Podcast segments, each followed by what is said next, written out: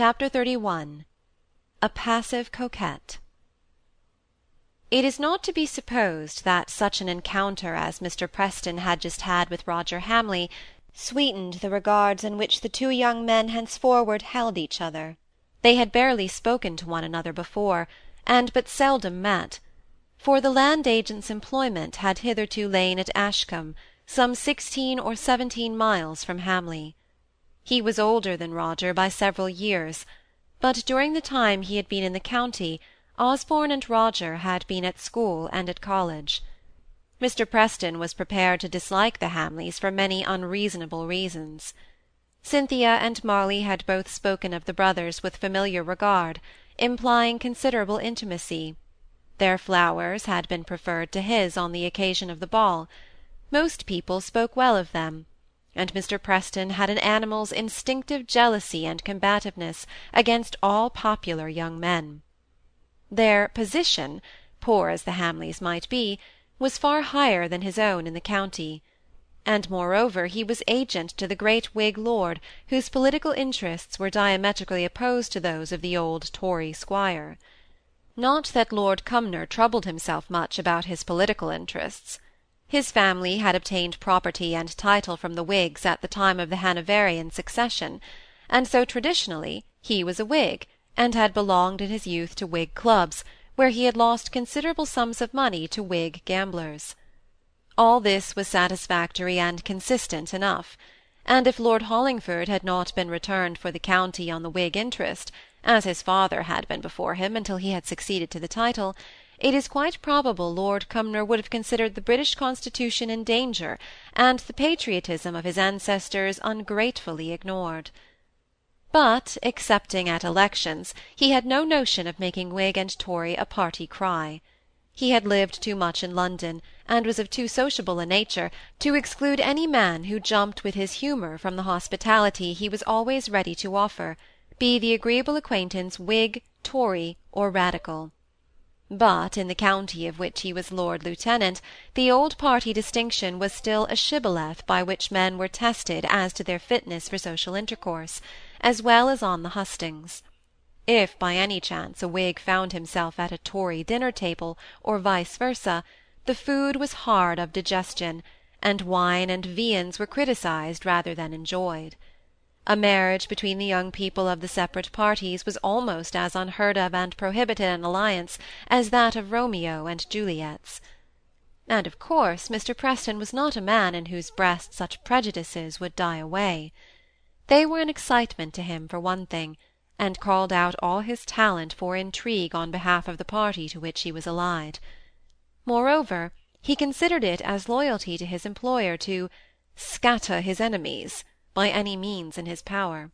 He had always hated and despised the Tories in general, and after that interview on the marshy common in front of Silas's cottage, he hated the Hamleys, and Roger especially, with a very choice and particular hatred.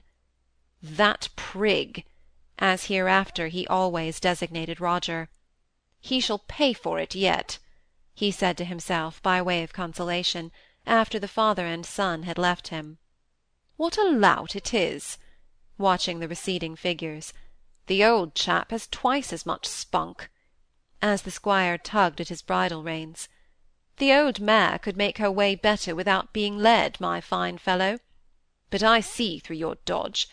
You're afraid of your old father turning back and getting into another rage. Position, indeed! A beggarly squire, a man who did turn off his men just before winter, to rot or starve for all he cared. It's just like a brutal old Tory. And, under the cover of sympathy with the dismissed labourers, Mr. Preston indulged his own private pique very pleasantly. Mr. Preston had many causes for rejoicing.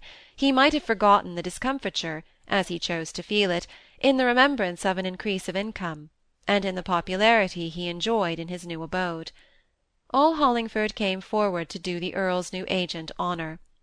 Mr. Sheepshanks had been a crabbed, crusty old bachelor, frequenting inn-parlours on market days, not unwilling to give dinners to three or four chosen friends and familiars, with whom in return he dined from time to time, and with whom also he kept up an amicable rivalry in the matter of wines but he did not appreciate female society, as Miss Browning elegantly worded his unwillingness to accept the invitations of the Hollingford ladies.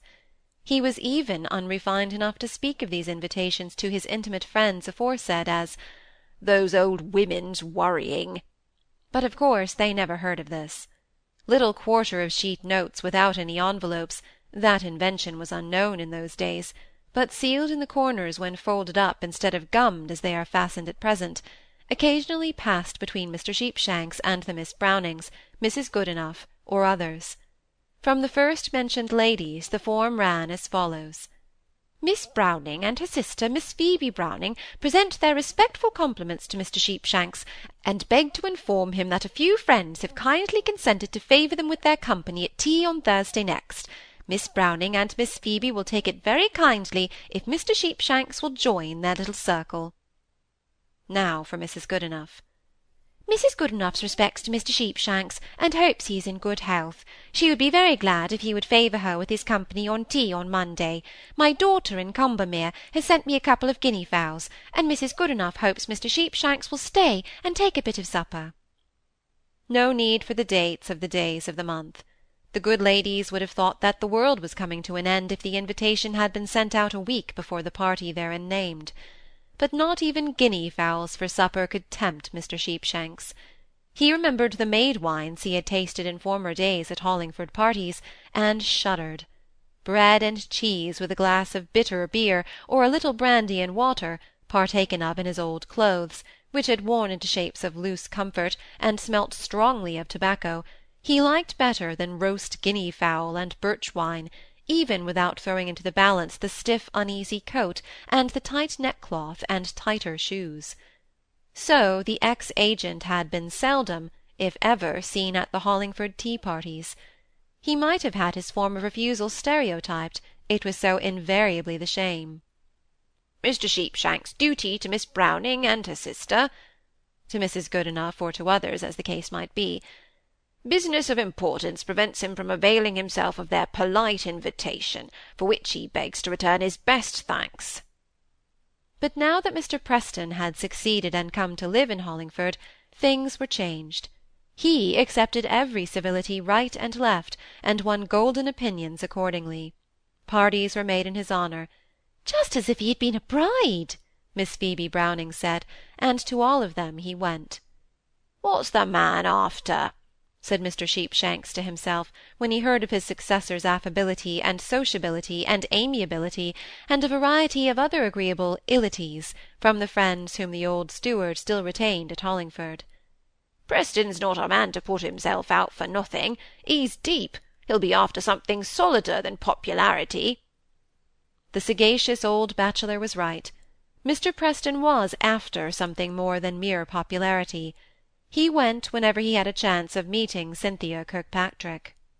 It might be that Molly's spirits were more depressed at this time than they were in general, or that Cynthia was exultant unawares to herself in the amount of attention and admiration she was receiving from Roger by day, from Mr. Preston in the evening, but the two girls seemed to have parted company in cheerfulness.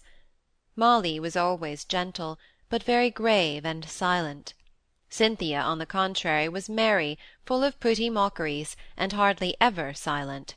When first she came to Hollingford one of her great charms had been that she was such a gracious listener; now her excitement, by whatever caused, made her too restless to hold her tongue. Yet what she said was too pretty, too witty, not to be a winning and sparkling interruption, eagerly welcomed by those who were under her sway. Mr. Gibson was the only one who observed this change and reasoned upon it. "She's in a mental fever of some kind," thought he to himself.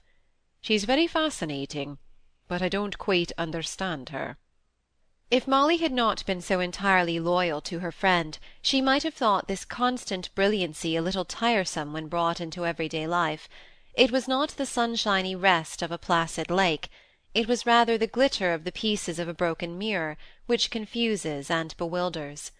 Cynthia would not talk quietly about anything now. Subjects of thought or conversation seemed to have lost their relative value. There were exceptions to this mood of hers, when she sank into deep fits of silence, that would have been gloomy had it not been for the never varying sweetness of her temper. If there was a little kindness to be done to either Mr. Gibson or Molly, Cynthia was just as ready as ever to do it, nor did she refuse to do anything her mother wished, however fidgety might be the humour that prompted the wish.